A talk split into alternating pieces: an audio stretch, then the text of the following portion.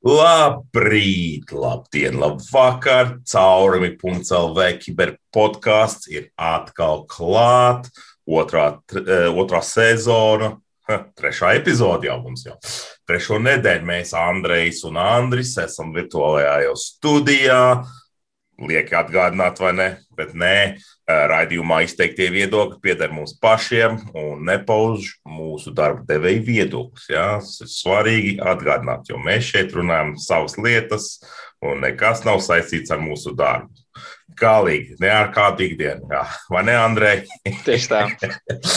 nu, lūk. Tātad, Atkal, kā ierasts, mēs sāksim ar mazu, mazu ziņu apskatu, ja, kas par nedēļu noticies. Bet uh, izrādās, šodien tāda, zināmā kā saulīte ir iznākusi laukā, laikam visi atpūšās, sauļojās. Uh, kurš padzer kādu bezalkoholisku mohito droši vien, vai kādu jaunu to ten. Uh, sidriņu, ne? Kādu, kādu cukurūdeni, burbuļūdeni. Bet šodien, šodien mēs jā, parunāsim par jaunām ļaunatūrām maziņām. Jā, un, un, un, un pirmo, pirmo mēs sāksim ir klasiskais pitons. Jā, visiem patīk pitonu valodā kaut ko kodēt bērniem un pieaugušajiem. Jā. Un, un, un tad Andrejs mums varētu pastāstīt, ir kaut kā tāda populāra vai ne, kur mēs visi izmantojam ikdienā, kur saucās requests. Requests vai requests? Es pat īsti nezinu. Izstāst, tu tur īsti ir requests vai requests? Jā, tā bibliotekas nosaukums ir Requests, un tā ir ļoti, ļoti forša biblioteka, kas ļauj taisīt nu, pamatlietas, sūtīt HTTP pieprasījumus. Uh, viņa ļoti populāra, plaši izmantota, bet uh, kāds ir izveidojis uh, ļaunatūru, kas mimikrē pēc šīs esošās bibliotekas ar nosaukumu Request vienskaitlī. Uh, jā, un šo biblioteku tā, nu, pētnieki to ir pamanījuši, ir noskanējuši pārējos bibliotekas, un izrādās, ka trīs citas bibliotekas, nu, kuras pašas par sevi nav ļaunas, bet viņas ir nejauši izmantojuši tieši, tieši šo ļauno bibliotēku. Un tā ļaunā, viņa, protams, dara visu funkcionalitāti, ko dara īstā biblioteka, lai lietotāji nepamanītu, ka kaut kas slikts notiek. Bet fonā viņa nozog lietotājiem paroles no pārlūkiem, no visām citām pārlūku programmām un pieinstalē remote access trojām, tātad ļaunatūru, kas nodrošina attālinātu piekļuvi. Aha, tātad uh, backdoor entry kaut kādu jūsu sistēmās, jā, jā tātad, kas saka, aizmugures durvis atlauž ienāk mm iekšā pa aizmugurējām durvīm. Nu, re. Tā kā esat uzmanīgi, jo tāpat kā es, jā, iesācējis Pythonā, jā, es, es nepamanīju requests vai requests. Kā, un, un, un request parasti izmanto, tad, kad jūs gribat automatizēt, eh, es nezinu, eh, jūsu vilcienu biļešu iknedēļas eh, pirkšanu. Jā, jums nav tur jāklikšķina, jūs paņemat requests, izmantojat. Jā, nu, protams, cits arī bibliotēkas. Bet tā kā jā, esat uzmanīgi, requests, s beidzās un un nebeidzās ar s, vienkārši ar t. Tā kā ir atšķirība. Uh, labi, skaidrs. Tad mums ir nākamais. Nākamais mums ir Android pasaule. Uh, Android pasaulē ir tādi uh, divi R, C un E. Kas tas ir tāds? Jā, tas runa iet par remote code execution. Jā, tātad šīs ir nu, tā kritiskākās ievainojumības, jo tas ir kaut kas, kas, kas var tikt eksploatēts uh, attālināti. Šajā gadījumā abi ir esot no-click uh, ievainojamības. Nav zināms, ka, nu, ka, ka te būtu reāli eksploati.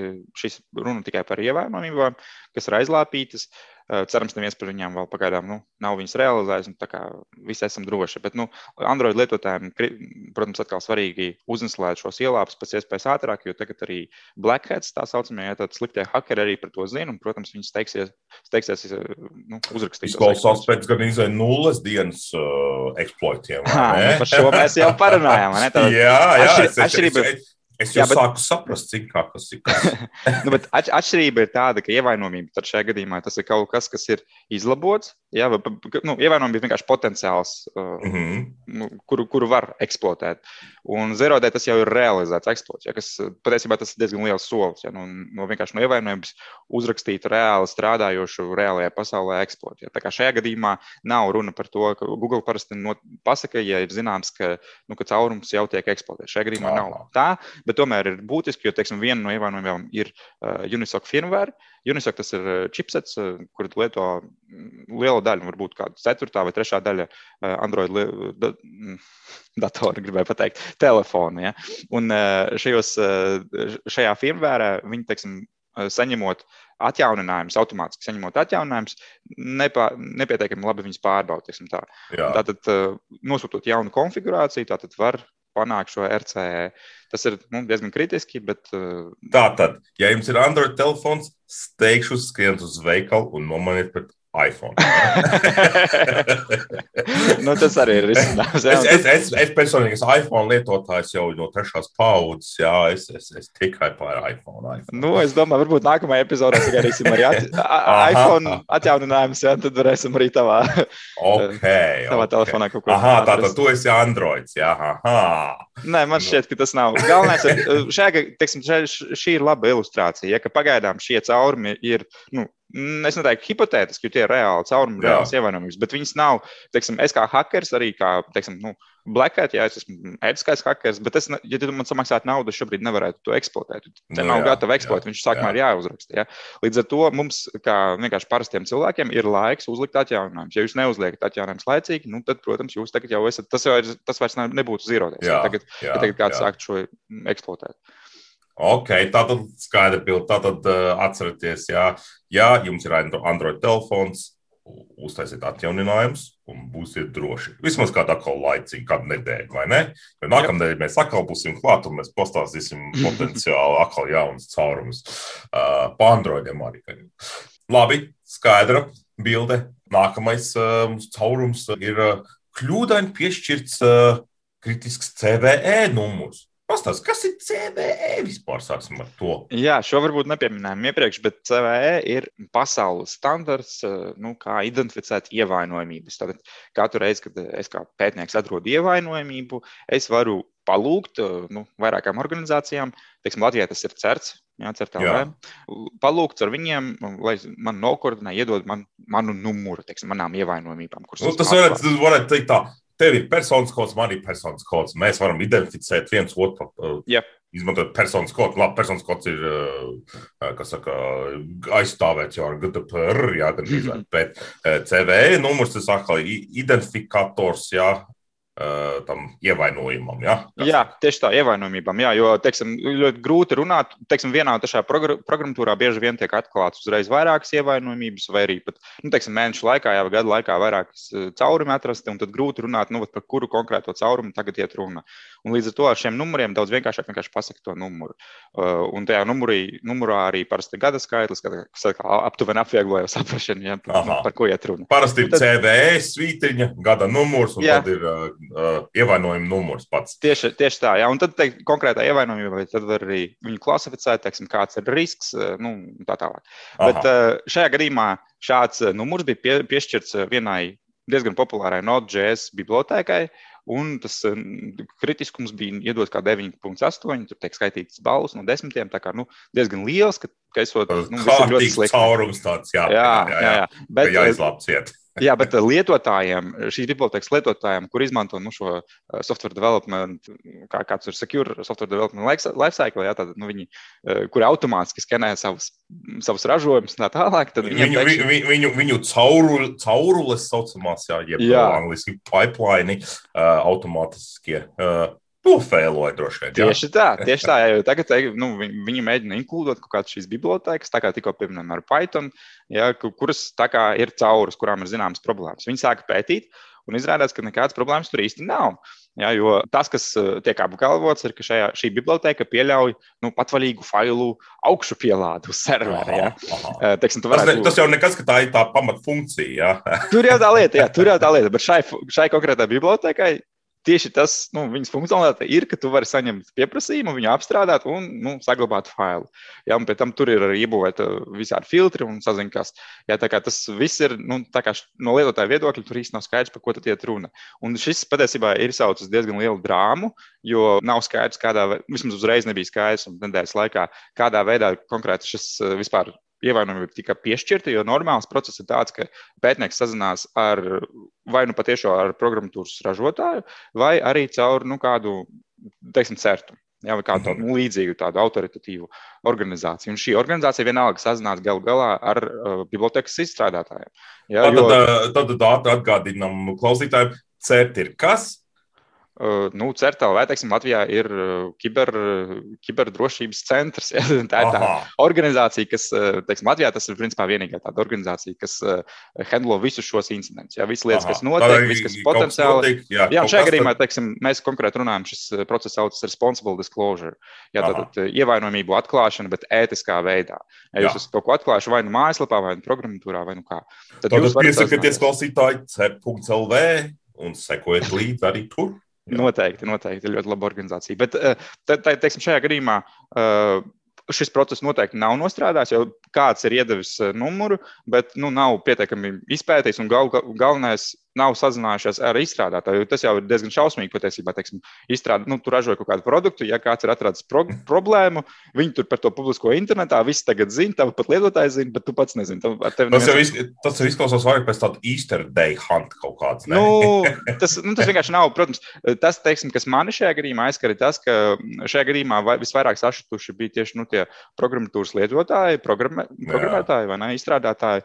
Un tas, protams, rada daudz no viņiem arī uzreiz, nu, zina, kā metās par to, ka ot, kiberdrošība pat par sevi vispār tas ir skēm, ja, ka visi no, jā, tikai jā. mēģina tur nu, dabūt kaut kādu slāvu un tā tālāk. Ja. Līdz ar to man šķiet, ka mums kā, nu, vajadzētu būt profesionālākiem ja, un vajadzētu vairāk piedomāt. Un pēc tam vēl viena lieta, liekas, kas, šo tieši demonstrē, ir tas, ka mm, agrāk nu, es negribu teikt, skanēt kā vecs cilvēks, ja, bet jā, jā. pirms 10, 15 gadiem, teiksim, 20 gadiem, eh, lielākā daļa cilvēku, kas nāca iekšā kiberdrošībā, viņi sāka ar, ar, kaut, kā, ar kaut ko citu. Teiksim, tie bija programmētāji vai ļoti bieži administratori, ja, kas ir kādu laiku pastrādājuši industrijā, un tad viņus ieinteresē kiberdrošība, un viņi pārslēdz uz kiberdrošību. Jā, bet tagad jā. mūsdienās ir ļoti, ļoti liels nu, cilvēku skaits, kas tieši sāk savas gaitas IT ar kiberdrošību.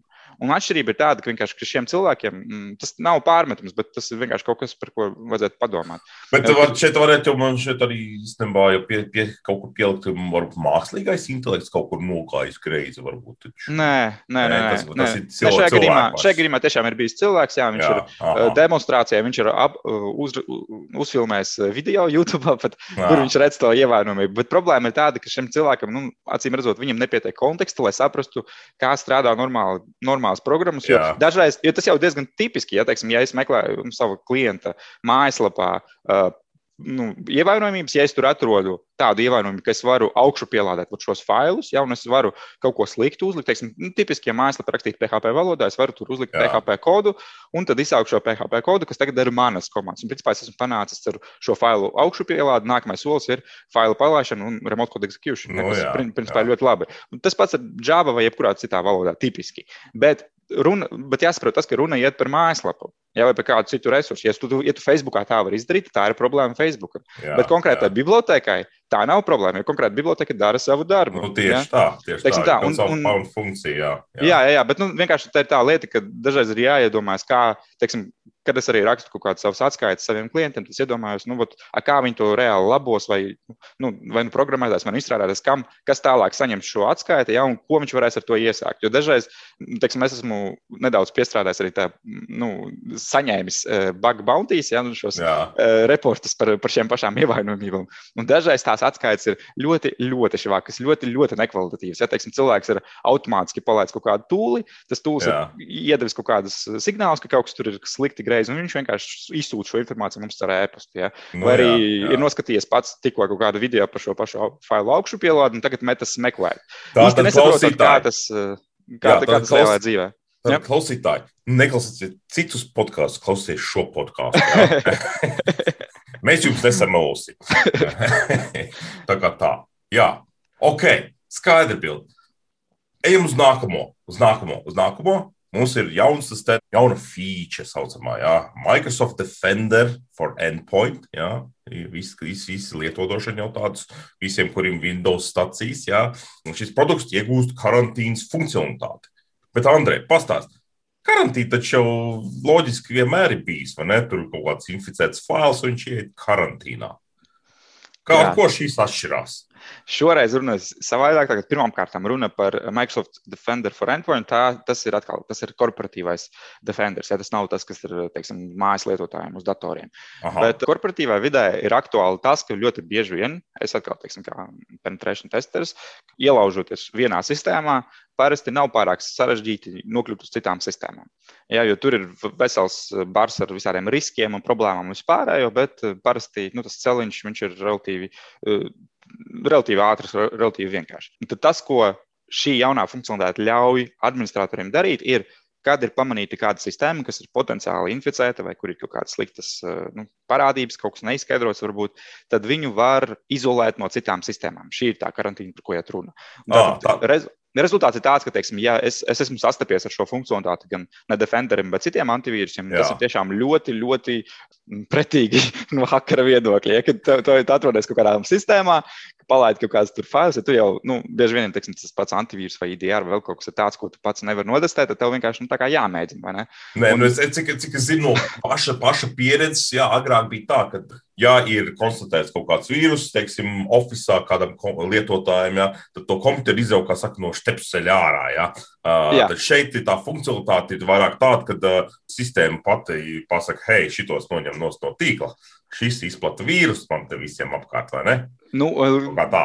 Tas ir, tas ir līdzīgi tā, kā tu to minēji. Ja, teiksim, doma ir tāda, ka tiešām ka šim datoram, pat šis dators turpina darboties, uh, bet viņš netiek uzreiz izslēgts pavisam. Bet uh, es kā esmu hackers, es esmu jau piekļuvis šim datoram, man tagad būs baigās grūtības piekļūt kādam citam datoram, jo visi pārējie datori atsakās no komunikācijas ar mani. Tad tas, tā nianses ir tāda, ja, ka konfigurācija patiesībā netiek dot uz šo datoru, ka, teiksim, ka viņam, ja, ka, hei, lūdzu, tagad nekonektējies ne pie viena cita. Jo es kā hackers jau var, varbūt varu to pārrakstīt, vai ne, to konfigurāciju, ko es no, saņemu. Jā. Bet konfigurācija tiek dota visiem citiem datoriem, ka, hei, ar šo te mēs šobrīd šodien nerunājam. Ja.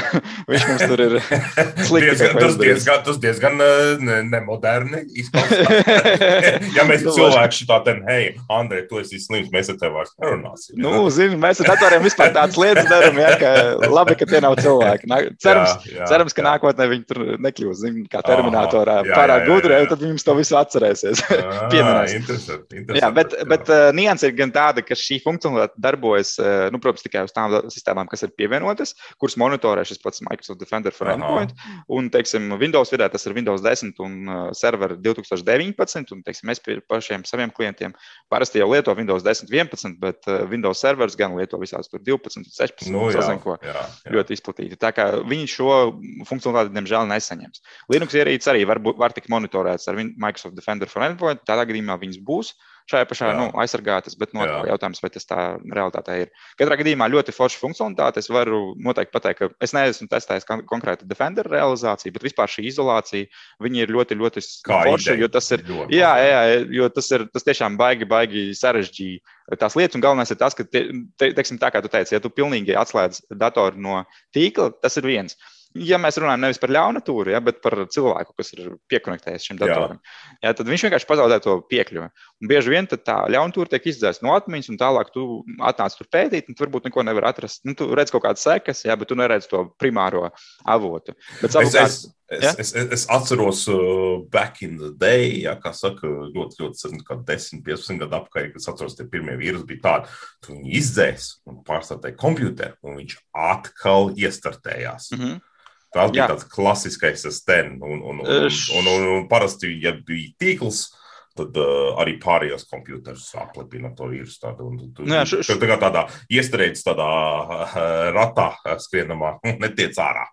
Šo, šo funkcionalitāti sauc par persistenci, jā, un tas ir tas, kas, teiksim, kas ļauj vīrusam atjaunoties vai nu tur, teiksim, vai nu caur schedule tasks, piemēram, tur reizi kaut kādā laikā var pie, slēgties, vai nu tad, kad mm. sistēma tiek pārstartēta, kad lietotājs ielogojas, nu tā tālāk. Jā, teiksim, šie, šī, šī ir zinām funkcionalitāte, bet dažos uzbrukumos ja, tieši pretēji, tieši uzbrucēji izvairās no šī, jo šie, šie persistents vektori, visi autorants un sazin kas, e, viņi ir tieši tas, ko ir vienkārši monitorēt, tas ir viens no antivīrusu perspektīvas Jā. vai IDR, un arī administratori. Ja, teiksim, jo, ko tu darīsi tālāk, ja tev tā sistēma ir inficēta? Ja, ja, ja arī runa par kaut kādu banku, finansiālu organizāciju, valstu organizāciju un tā tālāk, kas ir tā kā augstākā līmenī, jā, drošībai, tad tu gribētu saprast, kādā veidā vispār, nu, kāds ir nokļuvis tavā tīklā, ko viņi dara, kādi bija viņa mērķi, cik daudz viņi datus jau paspēja nozagt un tā tālāk. Nu, jā, un, jā. Lai visu šo pētītu, viss šis nu, incidents incident response process. Viņš, ir baigi, viņš var tikt baigi sarežģīts, ja, teiksim, ja ļaunprātīgi pamanās sevi izdzēst. Pilnībā, nu, jā, vai jā, viņi tikai jā, darbojas jā, jā. atmiņā. Līdz ar to tiešām šī funkcionalitāte, ja tu vari neizslēgt datoru, saglabāt viņa atmiņu, bet eh, vienkārši neļaut citām sistēmām pieņemt no viņa konekcijas, tad visticamāk, kamēr pa to laiku, kamēr tu pienāks pie tās sistēmas, vai tur fiziski vai attālināti pieslēgsies, ja, un sāks viņu tur dampot, teiksim, to pašu atmiņu. Tā tālāk jā. ir lielāks izredzes, ka tajā momentā mans beacons joprojām būs tur, un tu man tiešām pamanīsi. Tā kā es varu pilnīgi pateikt, ka šī funkcionalitāte ir laba. Uh, nu, interesanti būtu vienīgais notestēt viņu reālajā dzīvē, cik, cik forši tas strādā, un vai tad to jā. ir iespējams apiet. Nu, re, tā kā ja jums ir Windows sistēmas, Pamēģiniet, izklausās ideja fantastiski, un gan jau kā arī citi produkti drīz nāks klajā ar šo pašu domu un ideju. Kā jau vienmēr notiekās. Tātad, ok, tas par Microsoft Defender. Tad mums nākamais, oh, mums ir iPhone ziņas, iOS, ja, jeb uh, iPhone operācijas sistēma, 16. versija, ja, tā kā pati, pati jaunākā, iekļaus pārskīs funkcionalitāti. Andrej, mēs par šito jau kaut ko esam laikam runājuši, man tāda sajūta, tāds deja vu.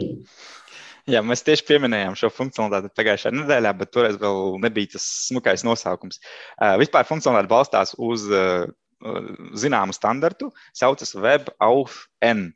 Un šis ir tas standarts, kas ļauj paroļu vietā izmantot fiziskas drošības atslēgas, piemēram, uh, YubiKey vai Google Titan. Un pagājušajā, man liekas, epizodē mēs tieši pieminējām, beidzām ar to, ka šis ir vienīgais principā, veids, kas nav fišojams. Jā, tad šo nevar nofišot. Tas ir, tur ir kriptogrāfija, tur ir sarežģītas lietas. Tā, tā ir jūsu fiziskā ierīce. Jā, tādāds, jā. jā. Smart ID, bet fiziskā smart ID. Tieši tā, jā, un viņu nav, nav iespējams vienkārši pārcelt. Jā, no, no lietotāja, kurš pat gribētu, to nav iespējams izvilināt. Jā, šos, jā.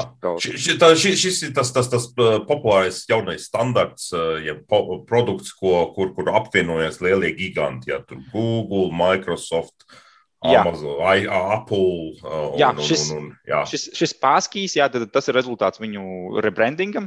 Man liekas, nosaukums tiešām ir cilvēkiem skaidrāks. Tā kā parole, password un tagad pārskīs.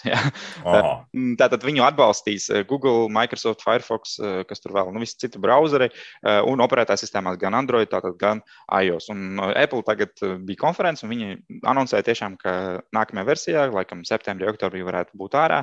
Un tad tajā versijā būs šī realizācija jau. Un iespējams, ka tas varētu būt arī pirmā realizācija, kas būs parastiem lietotājiem.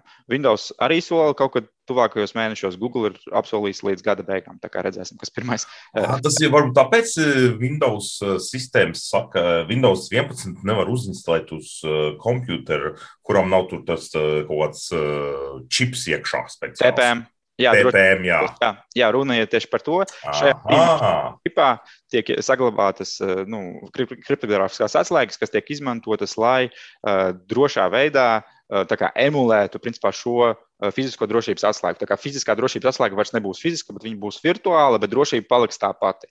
Uh, nu, varbūt, varbūt dažos kontekstos tomēr tā fiziskā atslēga ir labāka, ja, bet, uh, bet katrā gadījumā šis ir ļoti, ļoti labs rezultāts. Es domāju, tad, kad tas būs ieviests, uh, nu, tad, teiksim, man atkal dzīve kā pentesterim kļūs daudz sarežģītāk. Ja, un arī jā, parols jā. būs. Bet vienīgā nianses ir tāda, ka šis neaizvieto parols automātiski uh, mājaslapu izstrādātājiem, citiem servisiem. Tomēr ir jāievieš. Jā. jā, bet nu, tagad es domāju, būs daudz vairāk, teiksim, šajā nākamajā gadā būs pievirzīts daudz vairāk resursu šai, šai funkcionalitātei, jo tagad nu, lietotāji jau par to zinās, dzirdēs. Arī... A, ko darīs tādi, tādas platformas kā Smart ID? ID?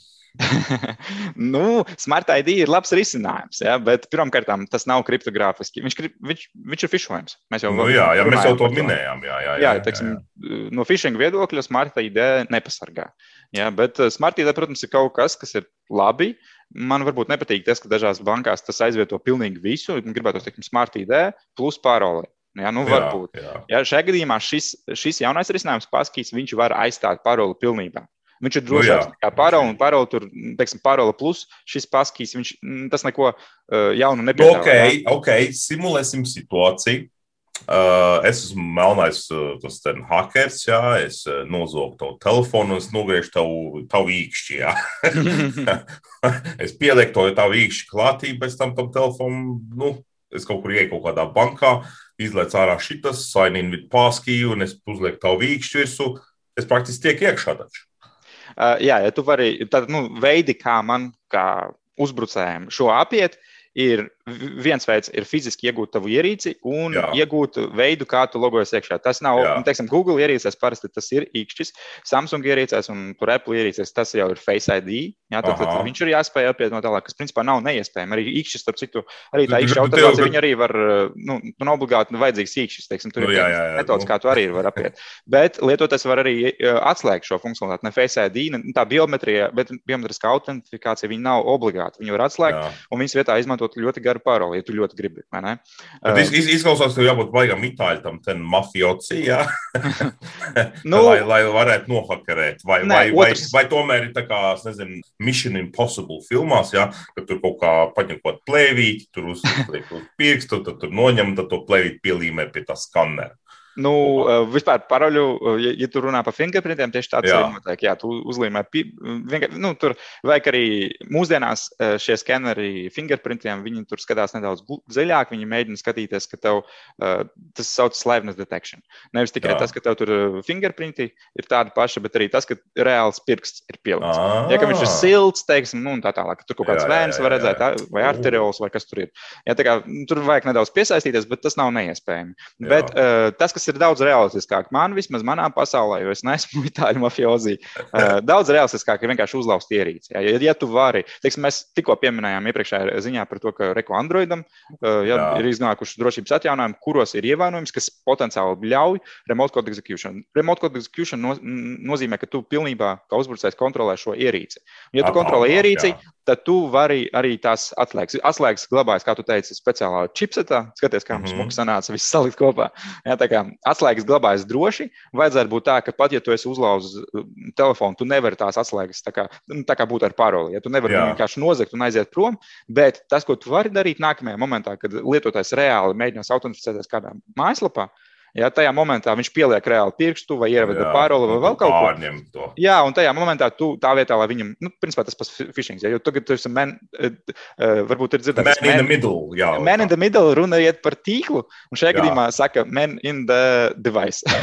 jā, man in the device. Jā. Vai woman in the device, jā, jā. Nu, jā. Būsim, būsim universāli, jā, jā, jā. Varbūt arī tā. Jā, tā kā, ja tu kontrolē šo endpointu, tad, diemžēl, nu, nekāda drošība tur, tur var kaut ko mēģināt mitigēt un tā tālāk, nu, bet, principā, pasargāt nav iespējams. Bet tur arī tas arī ir tas izskaidrojums, kāpēc tas ir, eh, kāpēc ar šo pilnībā var aizvietot paroli. Tāpēc, ka tie riski, kurus mēs tagad pieminējam, vai nu tu fiziski tur pievi, nu, teiksim, varbūt tas ir, teiksim, iedomājies, ja mēs runājam par kaut kādu noziedznieku, varbūt vienkārši policija var viņu piespiest. Ja, teiksim, jā, pasaka, jā, ja tu tagad ne, nepasaki paroli, tad nu, jā tur jā, lielāku sodu jā, un tā tālāk. Jā, jā, jā. Ja tu vari fiziski piespiest cilvēku atvērt savu telefonu, ja, vai arī nozagt viņam, nezinu, tur acis vai, vai ko, ko tur pirkstus vai vēl kaut ko, vai arī, ja tu vari, nu, šie trīs veidi, ja, vai arī tu vari uzlauzt viņa ierīci, visos šajos veidos tu arī paroli viņu iegūsi. Nu, protams, to protams. Parolē, parolē nav pievienotā vērtība, bet, protams, mēs zinām, ka lietotāji parasti tās paroles īsti labi necieš un nespēja viņas uzturēt labas un tālāk. Līdz ar to tiešām nu, no, makes sense, ka, kad šis tiks ieviests, tad šis aizvietos paroles un mums, kā drošības cilvēkiem, ja, tas, protams, būs arī. Gan, es domāju, ka tas būs liels pluss gan drošībniekiem, gan arī eh, nu, pašiem lietotājiem. Pilnīgi noteikti. Tad, tad, tad atkal atgādinājums, atjaunojiet savus ierīces, gaidat jaunos uh, operētāju sistēmas versijas. Jā un izmantojam šo funkciju, kas pataisīs lietas grūtāk tiem hackeriem, jā, pašiem, kas gribēs nozagt jūsu ierīci vai pārņemt viņu attālināti pēc būtības. Vai ne? Jā, tieši tā. Super. Nu, tas, tas ir par, par, par pāskī. Un tad mums ir vēl viena tāda pēdējā viena ziņa pirms mūsu lielās foršās diskusijas, vai ne? Tātad HTTP. Visi zina, kas ir HTTP, vai ne?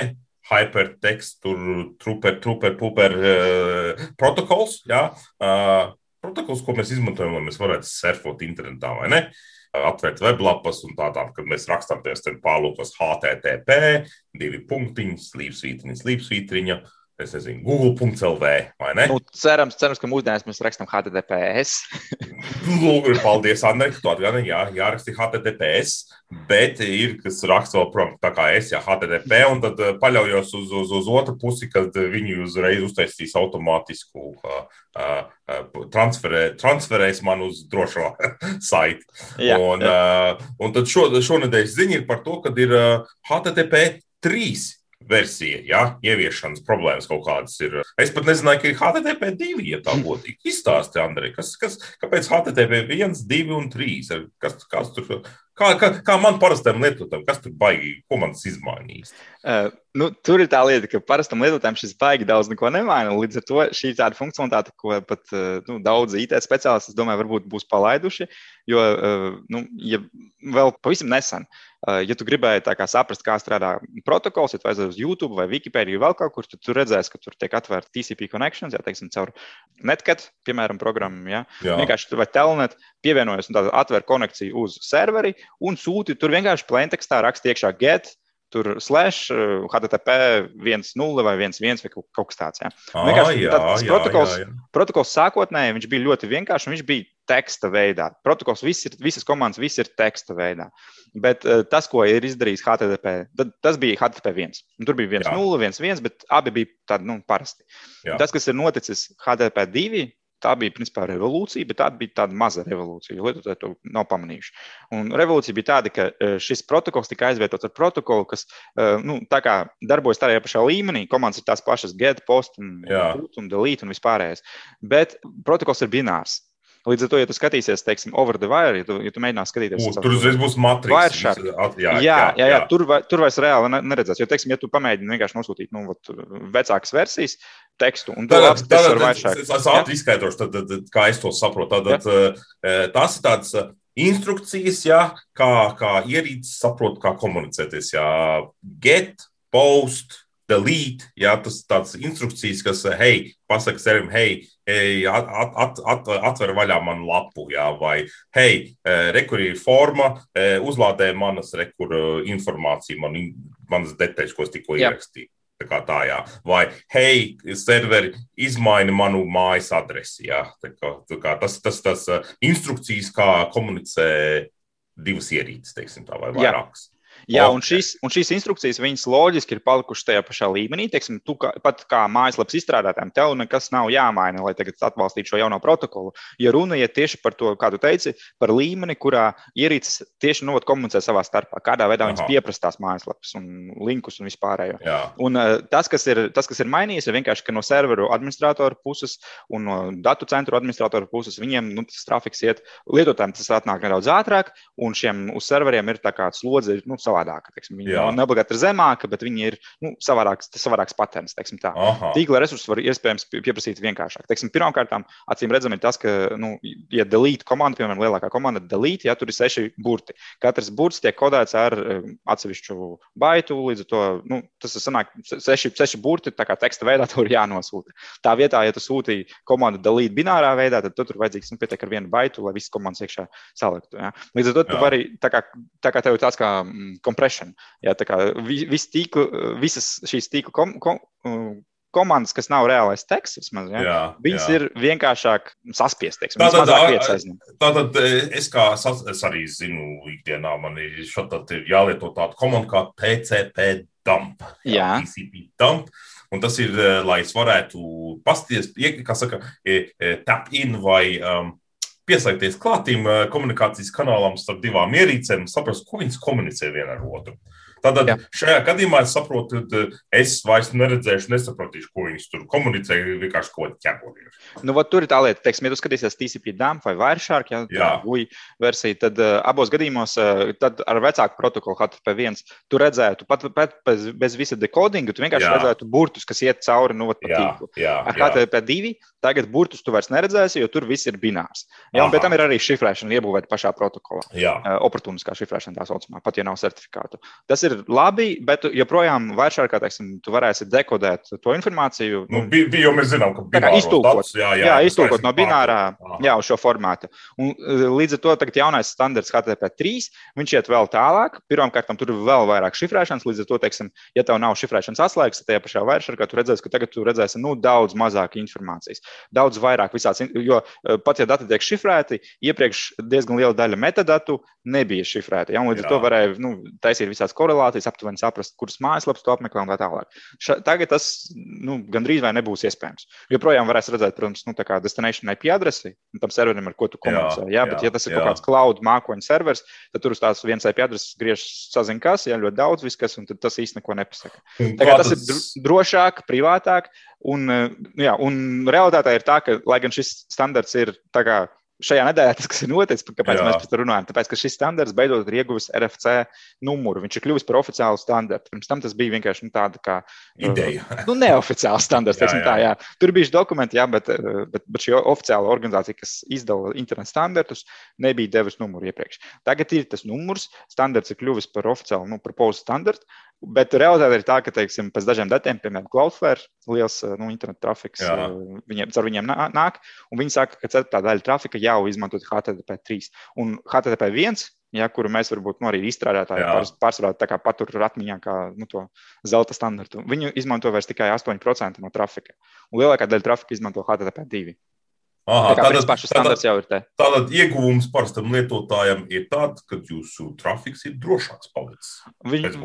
Jā, ir drošāks, ir vairāk ir šifrēts, vajadzētu būt arī ātrākam, jo bonus, galvenais bonus principā no lietotāja viedokļa ir tas, ka vairāk konekcijas agrāk caur vienu konekciju varēja vienlaicīgi sūtīt tikai vienu pieprasījumu. Jā. Ja tev vajadzēja, nu, tagad mūsdienās, ja tu atver nu, teiksim, tīkla konekciju un apsties, tad ielādot vienu kaut kādu teiksim, lapu, Delfi LV vai kaut ko tādu. Ja? Jā. Tur ir tik daudz visādas reklāmas un ārējā resursu, un Facebook jā, jā. un sociālajā tīklā, ka tur, tur aiziet diezgan dažreiz pat nu, simtiem dažādu pieprasījumu. Nu, tad, tad, tad es ātri varētu izskaidrot, TCP ir un ir UDP, un TCP ir vairāk tāds, ka tas ir tāds rītīgs sazināšanās, tāds, hei, Andrej, un tad es tagad sēdēšu un gaidīšu, kamēr Andrejs man atbildēs. Teiks, hei, čau, Andrej, vai ne? Un tad mm -hmm. teikšu, o, oh, čau, Andrej! Klausies, es pieprasu tagad Delfī.lv Un tagad atkal gaidu atbildi. Andrejs saka, uh, vai vispār neko nesaka. Tad ir mums ir 404 vai visādi šie 5000, 500 jā, kļūdas un visi šie te. A UDP vairāk tāds ir, hei, Andrej, es tev izsūtu reku visu informāciju saņem. un negaidu pat atbildi no Andreja, vai ne? Jā. Nu, princips tāds, tas komunikācijas. Tā kā jūs gribat zināt vairāk, palasiet par TCP un UDP. Ja? Kā, un, un atcerieties, HTTP tas ir vienkārši tāds instrukcijas manuāls, kā ierīces eh, viena ar otru komunicē. Tā kā tā. Eh, Tātad tīri tehniski nevienam nekas nemainās, tikai uzlabojās. Eh, mainās, mainās administratoriem tas, ko tu pieminēji. Tā kā šis ah. jaunais standarts izmanto UDP trafiku, nu, tehniski trafiks tiek saukts par quick, uh, Tas ir jaunais protokols, Jā. bet, bet no, teiksim, no eksistējošo ierīču viedokļa viņš izskatās tieši tāpat kā UDP. Jā, līdz ar to nianse ir tāda, ka, teiksim, firewallos, ugunsmūros bieži vien ir atļauta, konek, atļauts konekcijas uz ārpasauli, uz eh, portiem, nu, kas ir, teiksim, ja, ja tu vispār atļauj webu, tad Jā. tu atļauj webu kā TCP konekcijas uz 80 portu un 443 portu. Jā. Un šajā gadījumā, teiksim, tur Google Chrome mēģinās slēgties uz Google resursiem caur uh, uz 443 portu, bet uz UDP Jā, jā kaut, kaut kas baigi neparasts un kaut kas nu, tāds ah. neikdienišķs varētu likties. Ja? Bet tagad, wow. tagad jau jā, šī ir realitāte un nākotnē tas, tas jau būs tā kā standarts. A, kā, a, a, a, kā tas sanāks strādās tie tā saucamie proxy serveri, kas tā kā fiksē. Vai, vai nu, tur jau tā lieta. Aizliet. tur jau tā lieta. Ja tu, ja tu par šo aizmirsti, vispār, ja tev, teiksim, ir proxy serveris, bet viņš proxē tikai uh, TCP konekcijas. Ja tev vispār tas UDP trafiks tiek atļauts, tad viņš ies bez visāda proxy. Un tad tu viņu vispār neko, nu, pat nezinās, ka viņš tev iet. Ja tev UDP ports ir ciet, tad joprojām ies caur TCP. Aha, tad, tad ļaujiet man pārfrāzēt. Tātad jūs esat parastais lietotājs, jums pa lielam nekas nemainās. Ja jūs esat administrators, jums ir jāpiestrādā. Jums ir baigi jāpiestrādā tieši tā. Jā, jo, Jā. Teiksim, jo vēl viena lieta, kas ir, teiksim, es reālajā dzīvē, es vienkārši ikdienā lietoju nu, VPN, un arī mūsu klausītājiem iesaku lietot VPN. Un VPN bieži vien tieši izmanto UDP trafiku. Teiksim, populārākie tādi brīvie ir OpenVPN. Jā. Un Wirecard abi diviem ir nu, UDP režīms. Un, uh, tas arī strādā labāk, tas ir ieteicams. Bet uh, UDP trafiks bieži vien tiek filtrēts visādās viesnīcās un tās vietās un tā tālāk. Un, ja teiksim, jūs izmantojat uh, portu 443, ja, tad tas izskatīsies tagad pēc reāla, leģitīma HTTPS trafika, nu, pēc šī HTTP3. Jā. Jā, līdz ar to no, no šiem ugunsmūru viedokļiem, ja viņi nav pietiekami gudri, Varbūt kaut kāds deep packet inspection, varbūt kaut kas var pateikt atšķirību, bet principā nu, tādas atšķirības vismaz globāli viņas nav. Ja ports ir tas jā. pats, UDP trafiks, un tad vienkārši viss ļauj, ļauj nu, sūtīt ārā. Aha, skaidra bilde. Ok, pieņemts. Un tas ir arī laikam viss, kas mums šonadēļ ir tāds apskatā. Ja? Vairāk tādi tā tehniski uz, atjauninājumi, teiksim, vai uzlabojumi. Un tad mēs nonākam pie tās svarīgās, svarīgās daļas. Šodienas, šodienas svarīgā daļa ir diskusija par dark web, jeb par tumšo tīklu. Ja? Andri, ja varat izstāstīt divos vārdos, Kas tad ir tas tumšais? Kāda ir atšķirība? Tumšais tīkls, gaišais tīkls, nezinu, sarkans, sils. Kā man parastam lietotājam, ko man tas nozīmē? Es ieeju vienkārši atveru Google Chrome vai tur, nezinu, Firefox, ievadu google.lv, ievadu, ej, kā man uztaisīt, uzvārīt olu, jā, man izlaiž ārā instrukcijas, vesels saraksts, un es noklikoju un, un, un lasu, kā man vārīt olu pareizi. Kāda, kā, kāda ir atšķirība? Uh, nu, patiesībā man liekas, tas nosaukums Dark Web ir diezgan tāds amors. Un daudziem, daudz, principā, ieliek tur savu, savu loģiku, ja varbūt tas nav gluži tāds unificēts kaut kāds veids, un droši vien tāds viens tādas definīcijas, kas, kur visi izmanto, nemaz nav. Bet Jā. parasti iet runa par divām dažādām pieejām. Pirmā pieeja ir tāda, ka webs tiek klasificēts pēc tehnoloģijām. Jo, teiksim, ja mēs zinām, publiskais internets ir publisks, nu, tieši ar to domu, ka visiem pieejams. Viss ir pieejams, tieši tā, jā. jā un tas ir visiem un, un viss pieejams. Internets, jā. es teiktu, ka internets ir viena no varbūt interesantākajām, labākajām, sarežģītākajām tādām nu, lielām distributīvām sistēmām, kas mums ir, ir ļoti laba lieta un vispār. Visiem iesaku izlasīt par to, kā viņš ir radies no ārpanetu un tā tālāk, bet viena nu, reāls, krit, reāla kritika, ko atzīst arī paši izstrādātāji internetam, ir tas, ka internetā nav bijusi iebūvēta drošība un nav bijusi iebūvēta, iebūvēts privātums nu, kā pamatlieta. Jā. Ja, galvenais vienkārši bija citas prioritātes. Tas nav pārmetums, vienkārši bija citas prioritātes. Toreiz neviens nevarēja iedomāties, ka tas nu, tiks izmantots nu, tik plaši, kā mūsdienās ir. Jā, jā. jā, un, jā, un, protams, ļaunprātīgi arī. Līdz ar to, tagad, teiksim, kad mēs runājam par šo dark web, tad jautājums ir nevis par to vairāk drošību, bet vairāk tieši par to privātumu. Privātums internetā, privātums ir kaut kas tāds, ko, kas mums speciāli ir jādomā un speciāli ir jāražo, jo viņš nav iebūvēts. Jā. Jā, pašā tehnoloģijā. Bet ir citi tīkli, kas gan Viņi ir tādi overlay tīkli. Tātad viņi izmanto internetu un uz interneta bāzes būvē citu tīklu, tā kā loģiski, ja, tā kā augstāk. Un eh, tas, kas, eh, tas, tas, kas šajos tīklos ir iebūvēts, tad eh, ir iebūvēts privātums. Un, teiksim, katrs lietotājs ir anonīms. Tajā, tajā ziņā, ka, ja tu lieto šo tīklu, varbūt nu, tas nenozīmē, ka neviens nezina, ka tu lieto to tīklu. Ja, to varbūt ir relatīvi vienkārši pateikt. Bet visi lietotāji vismaz tīkla līmenī ir vienlīdzīgi, un tu nevienam, viņiem ir kaut kādas adreses, bet tās adreses speciāli tīkls uzbūvēts tādā veidā, ka tu nevari pēc tās adreses atpazīt, nu, atpazīt varbūt lietotājiem teiksim, tās adreses tiek rotētas. Tā, tā, tā, tā, tā tad rekur, vo, tu tās vari parastam klausītājam, ja lietotājiem, ja, jūs, jums ir parasti ir publiskā IP adrese. Jūs iziet, es nezinu, tālajā plašā internetā, ja, jūs varat atpazīt pēc publiskās IP adreses, ko tajā brīdī jums, jūsu internetu providers jums ir piešķīris. Ja. Un pēc tās publiskās IP adreses mēs pat varam noteikt jūsu lokācijas. Nezinu, tur Rīga, Valmiera, Liepāja. Ja? Un, un, un, pēc tās, eh, un pēc tam ir tāda lieta kā metadata?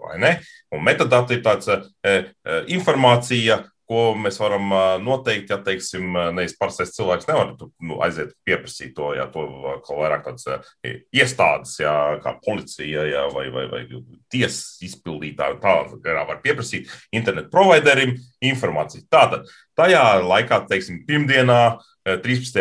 jūnijā, ja 9.50. Mēs gribam zināt, kurš izmanto šo IP adresi, kuram klientam tika piešķirta šī IP adrese. Un tad uh, internetu providers var pateikt, hei, Andris īstenībā, re, kur viņš liepājā, jā, viņš dzīvo, re, kur ir tā adrese, jā, re, fiziskā adrese. Un tad nākamajā dienā jums klauvē pie durvīm klinglang, sveiki, mēs jūs atradām, vai ne?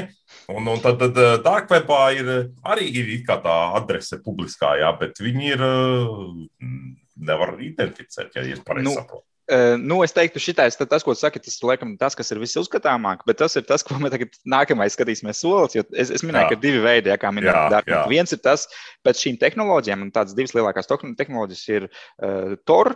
Jā, kas izmanto onion routing teiksim, protokolu, un otrs ir I2P, I2P.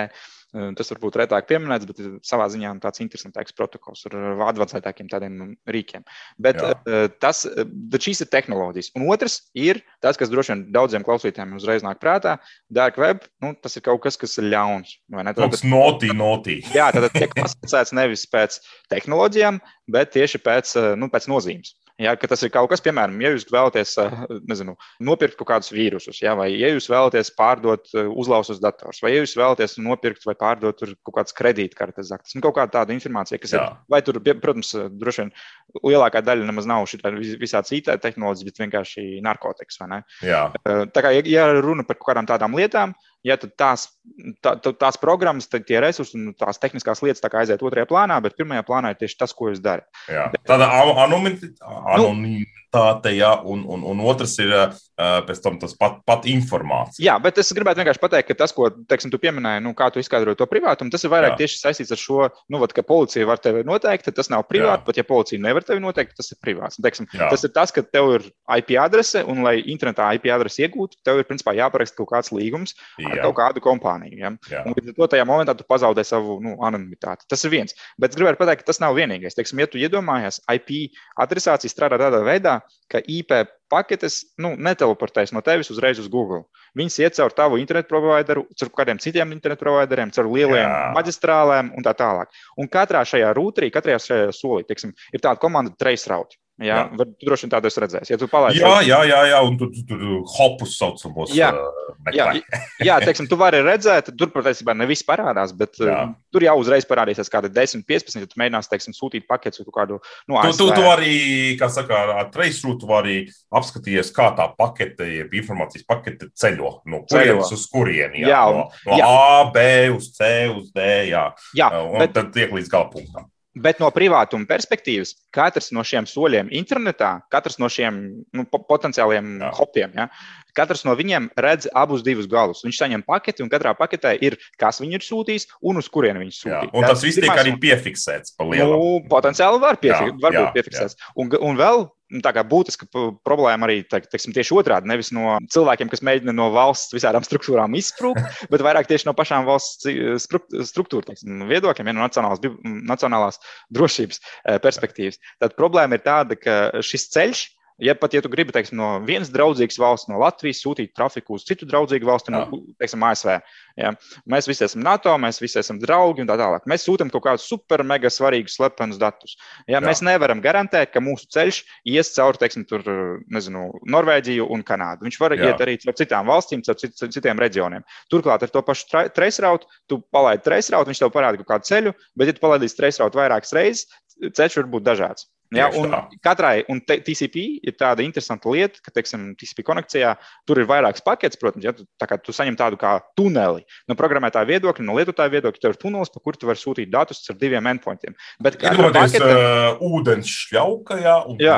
ūdens, jā. Jā, jā, jā ļoti, ļoti. No jūsu krāna uz, es nezinu, uz tūju, uz tūjām. Jā, tas ir ļoti laba doma, kā nu, konceptuāli kā tas strādā, bet praksē tas tā nav. Ne visas paketes uh, tiek sūtītas vienā, vienā šajā TCP konekcijā, ne visas paketes tiek sūtītas vienādā veidā. Katrai paketei ceļš ir tiek izskaidrots, izskaidrots individuāli. Turklāt, tu kā sūtītājs nevari to ceļu uzreiz viņā jā. iebūvēt iekšā. Jā. Tu nevari pateikt, manu paketu. Šeit, šeit, šeit reiz nāk man tāda vizualizācija, Waze. Jā, visi izmanto, kas izmanto Waze mm -hmm. vai Google Maps vai Apple Maps un tādā garā. Jums tas šajā brīdī, reiķinot datus par trafiku, jums ir īsākais ceļš, jeb īsākais laiks pār, nezinu, izbraukt pa vienu maģistrāli, un tad pēc stundas jau, jau pa citu maģistrāli, vai ne? Mm -hmm. Līdzīgi, līdzīgi arī ir, ir šajā, šajā ziņā IT pasaulē, kā, kā ceļo dati. Jā, nu mēs, mēs tam esam pieraduši, vai ne? Mēs vienkārši dzīvojam šādā veidā, bet nu, nianses ir, ka no privātuma perspektīvas diezgan daudzi visādi rūteri ja, pa ceļam internetā, kuri pieder dažādām kompānijām, kurām varbūt dažādas visās politiskās nu, agendas, ja, un kuriem asociācijas. Kuri, jā, varbūt arī, varbūt arī vienkārši nu, teiksim, dažādi, dažādi drošības ja, atjauninājumu likt un tā tālāk. Varbūt kāds no viņiem ir uzlauzts. Tas, tas nav, to nevar izslēgt. Viņam varbūt ir nulles dienas ievainojums. Jā, jā varbūt. Viņi arī to nezina. Jā, un tad šis trafiks, mūsu trafiks, eh, viņš var tikt novērots, varbūt, modificēts un tā tālāk. Tā tas, ir, tas ir tas privātuma risks šajā momentā. Jā, jā. Un trešā lieta ir tas, ka, eh, ja tu ap, mm, ej uz Google, un tad ej uz Facebook, un tad ej uz Twitter, un tā tālāk, tad katrs no šiem resursiem saņem tavu IP adresi. Un tad tie resursi savā starpā, ja, viņi, ja viņiem ir interese, un arī, ja tu Facebook teiksim, visu dienu tur skrolē, nu, labi, Facebook varbūt slikts piemērs, jo tu jau tur vienkārši automatizējies, vai ne? Jā. Tu vienkārši viņiem pasaki, kas tu esi, varbūt arī pasi parādi. Bet, bet vienkārši jebkuru resursu apmeklējot internetā, visi resursi redz vienu un to pašu tavu IP adresi. Līdz ar to viņi var savā starpā, viņiem ir pilnīgi, nu, diezgan skaidrs, kas viņus apmeklē. Ka viņus apmeklē viens un tas pats cilvēks. Jā, ar vienu to pašu jā. user agentu, ar vienu to pašu browseru un tā tālāk. Jā, tā kā šī, šī, šī es teiktu, tā nav anonimizācija, bet vienkārši privātuma. Ja? Riski viņi ir diezgan daudz, un ne visi no viņiem ir tieši saistīti ar, ar kaut kādu. Daudz no viņiem ir daudz dziļāk, es teiktu, ja? nevis tas, ka vienkārši vēlēs izvairīties no policijas. Jā, jā. jā. Un tad līdz ar to dark web šis, eh, šie, šie protokoli, ja, viņi novērš, viņi tev, viņi tev pateiks anonīmāku. Jā, jā, tas, jā. Ko, tas, kas tajos, eh, ar ko šie drošie, nu, dark web protokoli, jau, kad, ko, ko es pieminēju, tur Tor un I2P, piemēram, divi populārākie, bet arī daudz citi. Viņi atšķiras ar to, ka viņos jau ir iebūvēta viena galvenā prioritāte viņos ir nevis ātrums, nevis tas, ka lai viņi tur baigi vienkārši ātri strādātu. Ja, varbūt tur kaut kas, varbūt nav gluži ērtākais veids lietotājiem, varbūt nav gluži Jā. ātrākais veids, bet privātums ir iebūvēts tieši pašā protokolā. Ja kā paša protokola līmenī. Un šeit mēs nerunājam par drošību, mēs runājam par anonimitāti. Par privātumu, jā, jā, jā, tieši tā. Jā, jā, jā. jā. Okay. Un tad, un tad otra, otra tā puse tam visam ir informācija. Un mēs laikam vairāk kalstā ir dzirdējuši visās tos uh, Snowdens, uh, Wikileaks, uh, kas vēl tāds ir, uh, kaut kāds uh, tās ten, uh, ka atkal kādai bankai nopludināti dati ir, jā, un viss kaut kur pieejami ir. Uh, tas ir tāds, tā, tā, tā otra puse tam tumšajam tīklam. Jā, otra puse, teiksim, otra, nu, vai es teiktu, otrs veids, kā skatīties uz to, kas ir, kas nav šajā tumšajā tīklā, būtu pēc tā, cik ļoti uh, tie dati ir pieejami.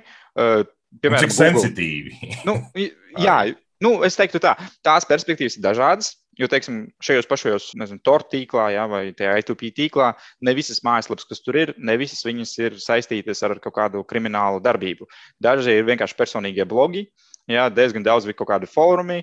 Uh, ir nu, saziņās. Vienkārši daudziem cilvēkiem vienkārši patīk pat sajūta, ja, ka tu esi kā īstais hackers, tu izmanto tur kaut ko tādu un kaut ko tādu. Tev neviens, neviens tev, nevar. Tev ir tavs pseidonīms, jā, un jā. tev neviens neatpazīst. Jā, tevi neviens nevar atpazīt, varbūt tu nevienam neesi vajadzīgs, jo tu neko neesi izdarījis, jā, bet, bet nu, tā sajūta ir patīkama, teiksim tā.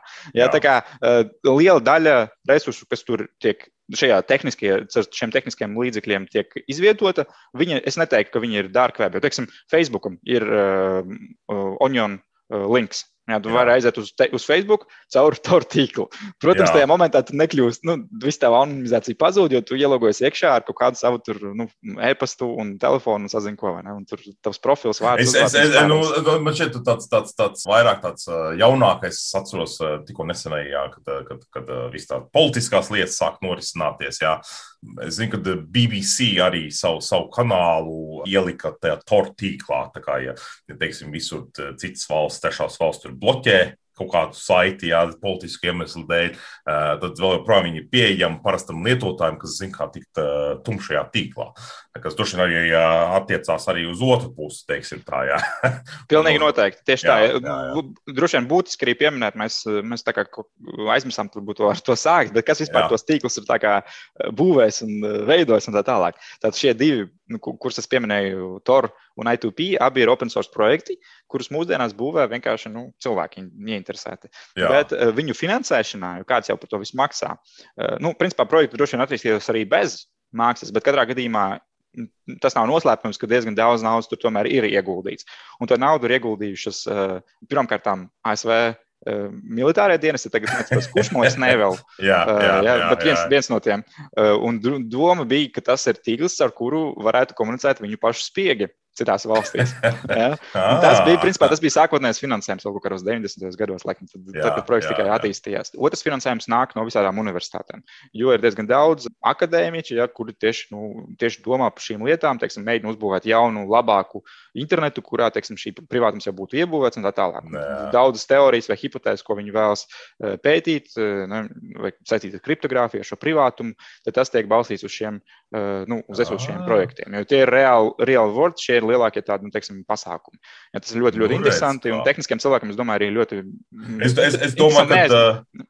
Es domāju, ka parasti lietotāji to šodien domāja, ka kaut kādi ja hakeri izdomājuši. Jā, nu, vat, realitātē tā nav. Uh, bet uh, katrā gadījumā uh, droši vien vērts pieminēt, ka arī otrādi Ja teiksim, mēs tikko pieminējām, ka ne visi resursi ir dark web, nu, vismaz šajos toru tīklā, ja teiksim, tādā līmenī klasificēt. Ne visi ir slikti, ne visi, jā, ne visur tur ir kaut kas uh, vīrus un nezinu, kaut, kaut kas ļauns un tā tālāk. Uh, bet no otras puses, ne viss arī, kas ir publiskajā internetā, arī tas, protams, ne viss tas ir super labs, jā, un ne viss ir, jo ir ļoti daudz visādi fórumi un uh, hackeru fórumi tā tālāk, kuriem ir linki vienkārši parastajā internetā, jā. jā. Un, protams, ir visāds tur, uh, uh, nu, teiksim, piracy mājaslaps, jā, atkarībā no jūsu viedokļa, varbūt arī tas ir pieskaitāms pie dark web, bet lielākā daļa nu, no viņiem. Klasiskais pirate bay. Jā, jā bet lielākā daļa no viņiem izmanto parastu, parastu internetu, jau var pieslēgties ar parastiem domēniem. Jā. Un, teiksim, un arī visādi vīrusu un phishing un malvāru lapas un arī pat, eh, nu, tādas lietas, kā teiksim, tas pašas zaktās kredītkartes. Daži no veikaliem izmanto parastus eh, publiski pieejamus domēnus. Ja? Un, te, teiksim, tas, kas tiek darīts, vai nu domēni tiek ļoti ātri rotēti, vai arī ir tāda interesanta tehnoloģija, sauc par fast flux. Eh, un tā ir tā doma, ka tu serverā IP adresi, hostē serveri dažādās valstīs, kurām nu, tāda jurisdikcija pietiekami tāla no tās jurisdikcijas, nu, tās jurisdikcijas, kura varētu viņus mēģināt slēgt ciet. Ja, piemēram, no Eiropas un ASV reģiona, tad, nu, ja tu, glabā, ja tu pārdod kartes vai pasas vai kaut ko tādu ja, no ASV vai no e Eiropas, tad mēģina glabāt datus nu, kaut kādās Latvijas valstīs, varbūt, vai jā. Āfrikā vai Āzijā, kaut kur tur, ja, dažādās valstīs. Un pie tam ļoti ātri viņas rotē. Ja jau teiksim, parastais serveris uz vienas IP adreses nu, dzīvo nu, vismaz kaut kādus mēnešus ja, vai gadus, nu, vajag jau nav vērts mainīt. Bet šajā gadījumā tās IP adreses uh, var tikt mainītas pat minūšu laikā. Teiksim, katras 10 vai 20 minūtes ir ļoti, ļoti jaunas IP adreses. Jā, jā, jā. Ja, ja, ja, ja, ja kāds vēl nezina, tad ir statistisks IP adreses un dinamisks. Jā, un dinamisks ir tās, kas parastajam lietotājam tiek piešķirts pa lielam, jā, viņas tiek rotētas. Jā, šodien jā, nu... tev viena IP adrese un pēc nedēļas tev ir otra jau. Jā, nu tad šis, protams, ja, ja, teiksim, ja esmu kā pētnieks, ja esmu atklājis, ka reku šī ir mājaslapa, es griezīšos uz policiju, lai viņi tur aizver mājaslapu. Parasti nu, tas process, kamēr cik daudz man visādi papīri ir jāsaņem, policijai Jā. cik daudz visādi jāsaņem tur papīri un nu, droši vien tiesnesim jāiesaist un tā tālāk, lai aizslēgtu mājaslapu. Tas vismaz nu, dienas aizņem, ja ne nedēļas, ja ne mēnešus. Ja, un ja, teiksim, katru dienu mājaslapa atrodas citā valstī, vispār. Ja, tad to noslēgt jau ir nu, super sarežģīti, tāpēc, ka to laikam, kamēr tu tur nonāksi, tur vairs nekas uz tā servera nebūs. Ne? Līdz Tas jau to... izklausās pēc tāda termiņa, kā mēs lietojam Chaos Monkey. Ja? Mēs, mēs nezinām, ko tas pētiķis šodien izdarīs. Ja? jā, jā, aptuveni. Jā. Tad Kur šī, viņš būs?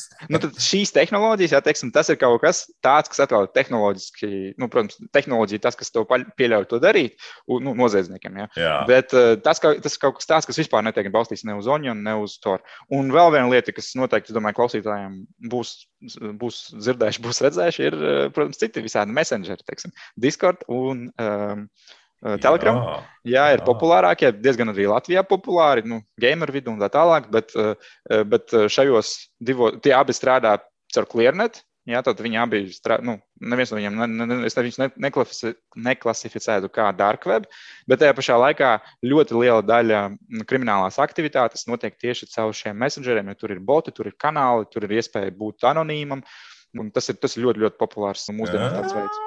Interesanti. Tad tas, tas īsti nav tāds, kā saka, tumšais tīkls, tas vienkārši alternatīvs tīkls, teiksim, tā, kur ir anonimitāte garantēta. Jā, garantēta jau nav droši vien, bet uh, viņi ir lielāki nekā uh, publiskajā internetā. Jā, ja mēs varētu. Tad publiskais internets ir jau un ir, ir, ir vairāk šie paveidi, uh, mm -hmm.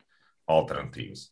Nu, re, skaisti. Uh, Uh, jā, nē, man, uh, man likās, man visu šo laiku likās, ka tas nebija tur, ka tur hakeri viņu izdomājuši, tur, kā, lai slēptu savus pēdas. Jā, jo man šķiet, ka uh, bitcoin, kriptovalūta, uh, kaut kur pat laikam pirmsākumi ir saistīti ar dark web, kad cilvēki pirkumu pārdeva lietas, izmantoja kriptovalūtu, jā, pirmo kriptovalūtu, bitcoin, tādu, ko mēs pazīstam.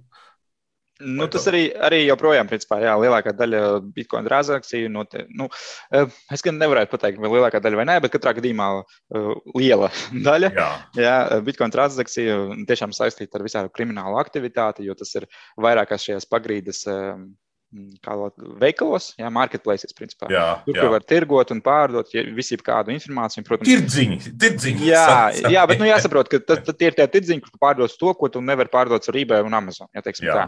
Un tad šajos uh, tirdziņos uh, lielākā daļa, protams, uh, daļa tiek pārdota. Pār, pārdod, li, jā, jā, pārdod, pārdod lietas, ko tu nenopirktu par, parastajā veikalā, jā, atļautajā, un, un, un tu nevarētu jā, samaksāt ar, nezinu, dolāriem vai eiro. Tev jāmaksā. Nu, kā likums. Kā likums, jā, jā tieši jā, tā. Jā, jā. Nu, re, nu jā, nē, tu, tu pieminēji tos marketplaces, jeb tos tirdziņus. Jā, visi, gan jau, kas zina to, to slaveno eBay jā, portālu, kur cilvēki pārdod saka, savas lietas, ko viņiem nevajag, jā, vai par lēto, vai par dārgo. Un, un tad, jā, un es atceros, bija kaut kad gadus apkārt, lasīju kādu rakstu par šo te, kad īstenībā tajā dark webā šie tirdziņi, saucamie digitālajā, kad viņi ir īstenībā uztaisīti vēl labāk nekā publiskā internetā, jeb legālajā internetā. Un, un, un kad, eh, kad nu, viss, kā, kā tiek paslēpts, kad īstenībā tas jāņem kā labs piemērs. kā, kā, kā ir jābūt tīklam uzbūvētam, jā, un kā, kā tas viss tehniski tiek realizēts, tā. Tā nu, kā... Nu, tur, ir, tur ir tiešām diezgan lieli resursi tajā iebūvēti. Ja, tur ir daudz, tas, tas ir ļoti ienesīgs bizness. Konkurence ir diezgan liela. Tā kā tiešām tur, nu, tur, ir, tur ir diezgan inovatīvas idejas reizēm pagrūst. Teiksim, tur nav lielākā daļa nu, jāņem vērā, ka tur, protams, izmanto kriptovalūtu, bet Jā. uh, daudzos no viņiem uh, tur ir tie non-custodial, tagad wallet, kas nozīmē, ka Jā. uh, ir iz, izdomāti veidi, kā tu vari apmainīties par tiešo, teiksim, nosūtīt preci, nosūtīt naudu, bet tādā veidā, lai uzticēties, ka tu saņemsi, nu, teiksim, naudu tikai tad, kad nosūtīsi preci un tā tālāk. Nu, ka tev, ka tev, ka tev ir neapčakarēs, jā? Jā, nu, gan sociālie, gan te tehnoloģiskie visādi risinājumi tiek izmantoti, bet, uh, nu, rezultāts ir tehnoloģiski ļoti interesants jā, bet, protams, lielākā daļa no tādām transakcijām ir nelegālas. Nu, bet, kā... bet, bet, bet tad ir tā, nu, tehniskā viedokļa, ok, ieeju tajā tumšajā tīklā un pasūtu kaut kādu preci un samaksāju. Tomēr viņai kaut kur jāatnāk, taču vai tad ir kaut kāds tumšais pasts arī? jo tas neliks savu mājas adresi. nu, nu, Tiklīdz tu ieliec savu adresi, ej, man atsūti preci uz šo adresi. Nu, uh, kā likums, uh, nu, teiksim, ja mēs runājam par narkotikām, jā, jā. tad uh, tiek parasti tiek izmantot, es neatceros, kā sauc, kā Dropbox vai kaut kā tā. Tad doma ir tāda, ka tu, tev, tev pasaka, ja mēs runājam par Eiropu, ja, tad parasti vienkārši tev pasaka, kurā vietā tā prece būs, tu atnāc uz īsto vietu, īstajā laikā, un tur viņi ir. Turklāt tas, kas, ah. teiksim, tas, kas, tas ko policija ir bijuši darījuši, viņi tā sākumā nu, pasūta kaut ko, tad jā. atnāk uz turieni un gaida, un tagad skatās, kas tur tagad nāks, ja, un ko tur tagad bāzīs, kurā tur kokā vai tur. A, tur jau sen jau ir ielikts, un, un tu paņem. Jā, jā, tur ir tā doma, jā, ka tagad tas, kas, tas, kas tagad realitātē notiek, ir tā, ka tu, tu sākumā savu preci tā kā paslēp pa visu jā, pilsētu, jā, jā, un, tad, jā. un tad, kad tev kāds samaksā, tad tu pasaki. Tas ir tā kā easter egg hunts, jā, jā, jā, jā, jā. lieldienu olu meklēšana. Nu, tas ir patiesībā diez, diezgan šausmīgi, jo es pats Rīgā esmu redzējis, man tā ir gadījies, ka es tur sēžu tur soliņu parkā, skatos tur kaut kādu nu, tādu jocīgu lietiņu, tur mēģinu izčakarēt, kas tur tāds ir, un tas saprot, ka tur laikam ir narkotikas, un ko es laikam vairāk negribu zināt, neko, kas tur ir, un es eju uz citu jā, soliņu. Jā, jā, tā kā tā gadās. Bet, jā, bet teiksim, ASV ir arī baigi izplatīts, kas ļoti nepatīkami. Viņiem vairāk, protams, cilvēki dzīvo nu, privātmājās, un tad uh, tur ir tā, ka teiksim, tu vienkārši zini, kurš no kaimiņiem šobrīd nav un tu pasūtīji lietas, varbūt no Amazon, teiksim, arī reālajā tīklā, jā, uz citu. Jā, jā, jā, un tur vienkārši atstāja. Nu, Jā, mājā priekšā, jā, jā, tur pienāca jā. Jā, un paņem to lietu. Ļoti nepatīkami, ja, protams, ja tur nu, policija kaut ko nu, sāk skatīties, jo bieži vien tas tiek, tiek teiksim, pirks ar zaktām, tur kredītkartēm vai nu, jā, nu, jā, jā, jā. Nu, kaut kas tāds. Un tad, teiksim, atnāk jau pie kaimiņiem, kuri principā nav vainīgi, viņi vispār tajā laikā varbūt nemaz nebija mājās. Tā. Bet tad es tagad iedomājos, teiksim, Latvijā, Latvijā jā, nu, Es negribētu tā domāt, bet vismaz ārēji tā liekas, tas tā ir tāds uzzīmēts un pasniegts, ka teiksim, teiksim, tās iestādes, jā, drošības un vispārējais Viņas īsti netiek galā ar legālo internetu, izsekošanu, vispārējo. Uh, vai viņas, kā viņas, var, kā viņas iespējams var tikt galā ar šādu jau, jau, jau to, to alternatīvo? Nu, es, es domāju, es, ka vājā, Vājā vieta, tas, ko ļoti daudzi, nu, tīpaši tehniskie cilvēki, varbūt nu, neuztver, tas, ka vājā vieta jau vienmēr ir cilvēks. Nu, jā. Jā, un, ka, man liekas, lielākā daļa tīri praktisko operāciju, kas notiek, viņas notiek tieši tāpat, kā viņas notika pirms 500 gadiem vai 1000 jā. gadiem. Ja tu vienkārši atrod infiltrētās uh, grupas, atrodi kaut kādus, uh, nu, kaut kādas, uh, zini, jebkurā tajā kriminālajā biedrībā un tā tālāk, tur ir cilvēki, kas ir apvainoti viens uz otru, ja, un tā tālāk, nu, gal, vai arī cilvēki, kas vēlas kā, aizņemt kādu citu vietu un tā tālāk. Tā kā tu sāc, nu, ļauj viņiem viens otru. Jā, jā, jā. jā. Nu, kā pāris, nu, vienkārši cil, tīri tāds cilvēks, principā tāpat kā tu redzi, nezinu, kino, ja par kaut kādiem tur mafiozi, tur tiem pašiem itāļu, vai ne? Jā, jā, Čikāgā vai vēl kaut kur? Tā kā principā tādas parastas operācijas, kuras, manuprāt, tas uh, tehnoloģiskais, šis viss vērams un šīs visas jaunās tehnoloģijas, tas īsti to nemaina. Uh, nu, tos pašus pamatprincipus. Ja, ka, ka, Gal, gala rezultāts ir gala rezultāts. Jā, es, jo, jo, es tā visas tādu ja mēs skatāmies ūdens šļauka, pa viņu ienāk ūdens un pa viņu iznāk ūdens, kas notiek pa vidu, jā, mēs varbūt neredzam. Uh, kā tas process, bet mēs zinām, ka ūdens no kaut kurienes nāk, viņš tiek, saka, pumpēts. Jā, un... Tieši tā.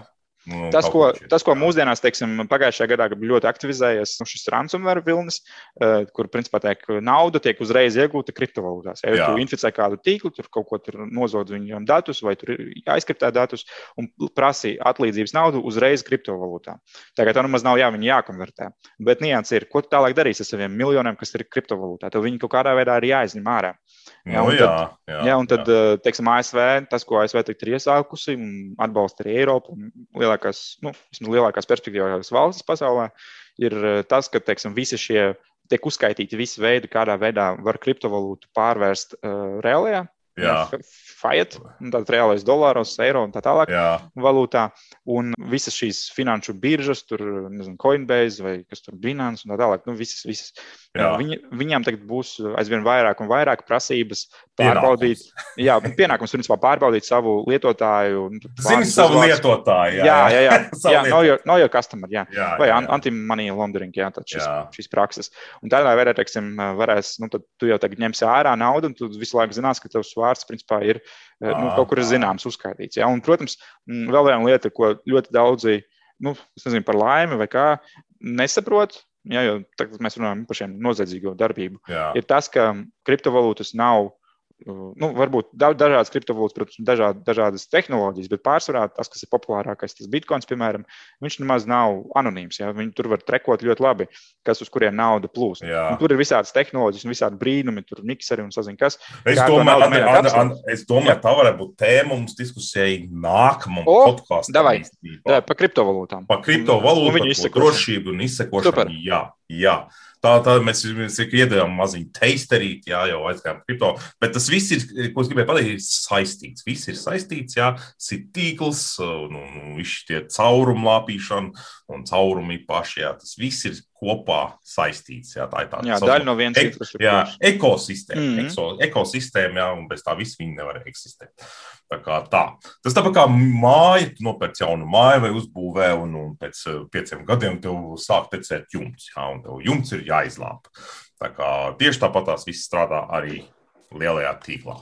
Vai, vai tumšajā, vai sarkanajā. Uh, Tā kā tam nav nozīme, bet vienkārši tā ir ekosistēma. Un tā mēs arī laikam atradīsimies no jums. Jā. Un atkal mēs iekļaujamies gan izvēles stundā.